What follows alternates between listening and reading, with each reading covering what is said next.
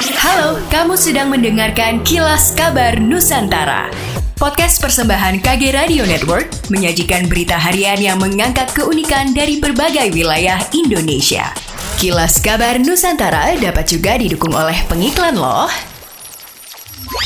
Jumlah sekolah yang menggelar pembelajaran tatap muka atau PTM di Jakarta kembali bertambah. Penambahan sekolah yang menggelar PTM ini tertuang dalam surat keputusan Kepala Dinas Pendidikan DKI Jakarta nomor 984 tahun 2021 tentang penetapan satuan pendidikan yang melaksanakan PTM terbatas, masa pemberlakuan pembatasan kegiatan masyarakat atau PPKM. Berdasarkan SK tersebut, ada tambahan sebanyak 899 sekolah dan madrasah yang menggelar PTM pada tahap kedua pada Senin 27 September 2021. Ditambah dengan 610 sekolah sekolah yang sudah lebih dulu menggelar PTM di fase pertama, maka kini jumlah sekolah yang menggelar PTM di Jakarta menjadi 1.509 sekolah. Kabit Humas Dinas Pendidikan DKI Jakarta, Tagara Jagah mengatakan, keputusan menambah jumlah sekolah yang menggelar PTM merupakan hasil evaluasi Dinas Pendidikan yang menyatakan PTM aman untuk dilakukan. Sekolah dianggap dalam kondisi aman. Dinas Kesehatan Kota Makassar menyiapkan 400 ribu alat tes swab antigen diperuntukkan untuk para pelajar. Hal ini sebagai antisipasi resiko penyebaran virus corona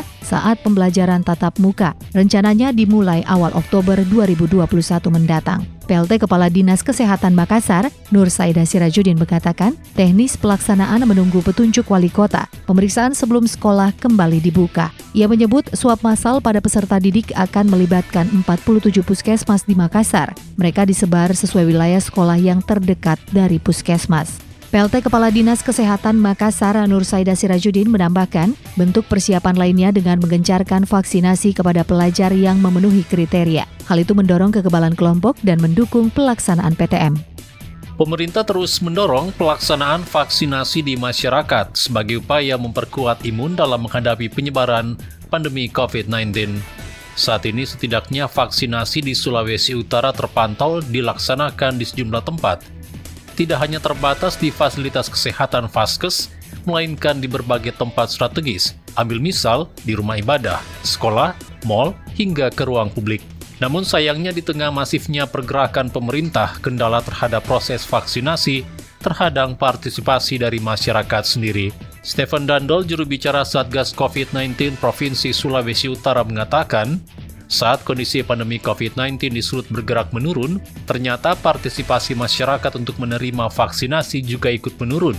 Menyiasati fenomena ini, Stephen mengatakan pemerintah berupaya melakukan imbauan kepada masyarakat lewat pengemuka agama dan tokoh-tokoh masyarakat.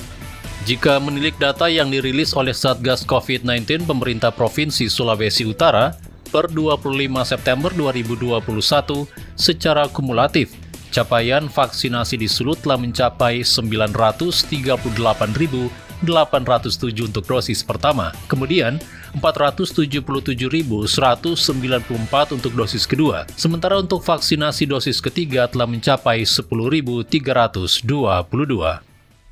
Demikianlah kilas kabar Nusantara hari ini.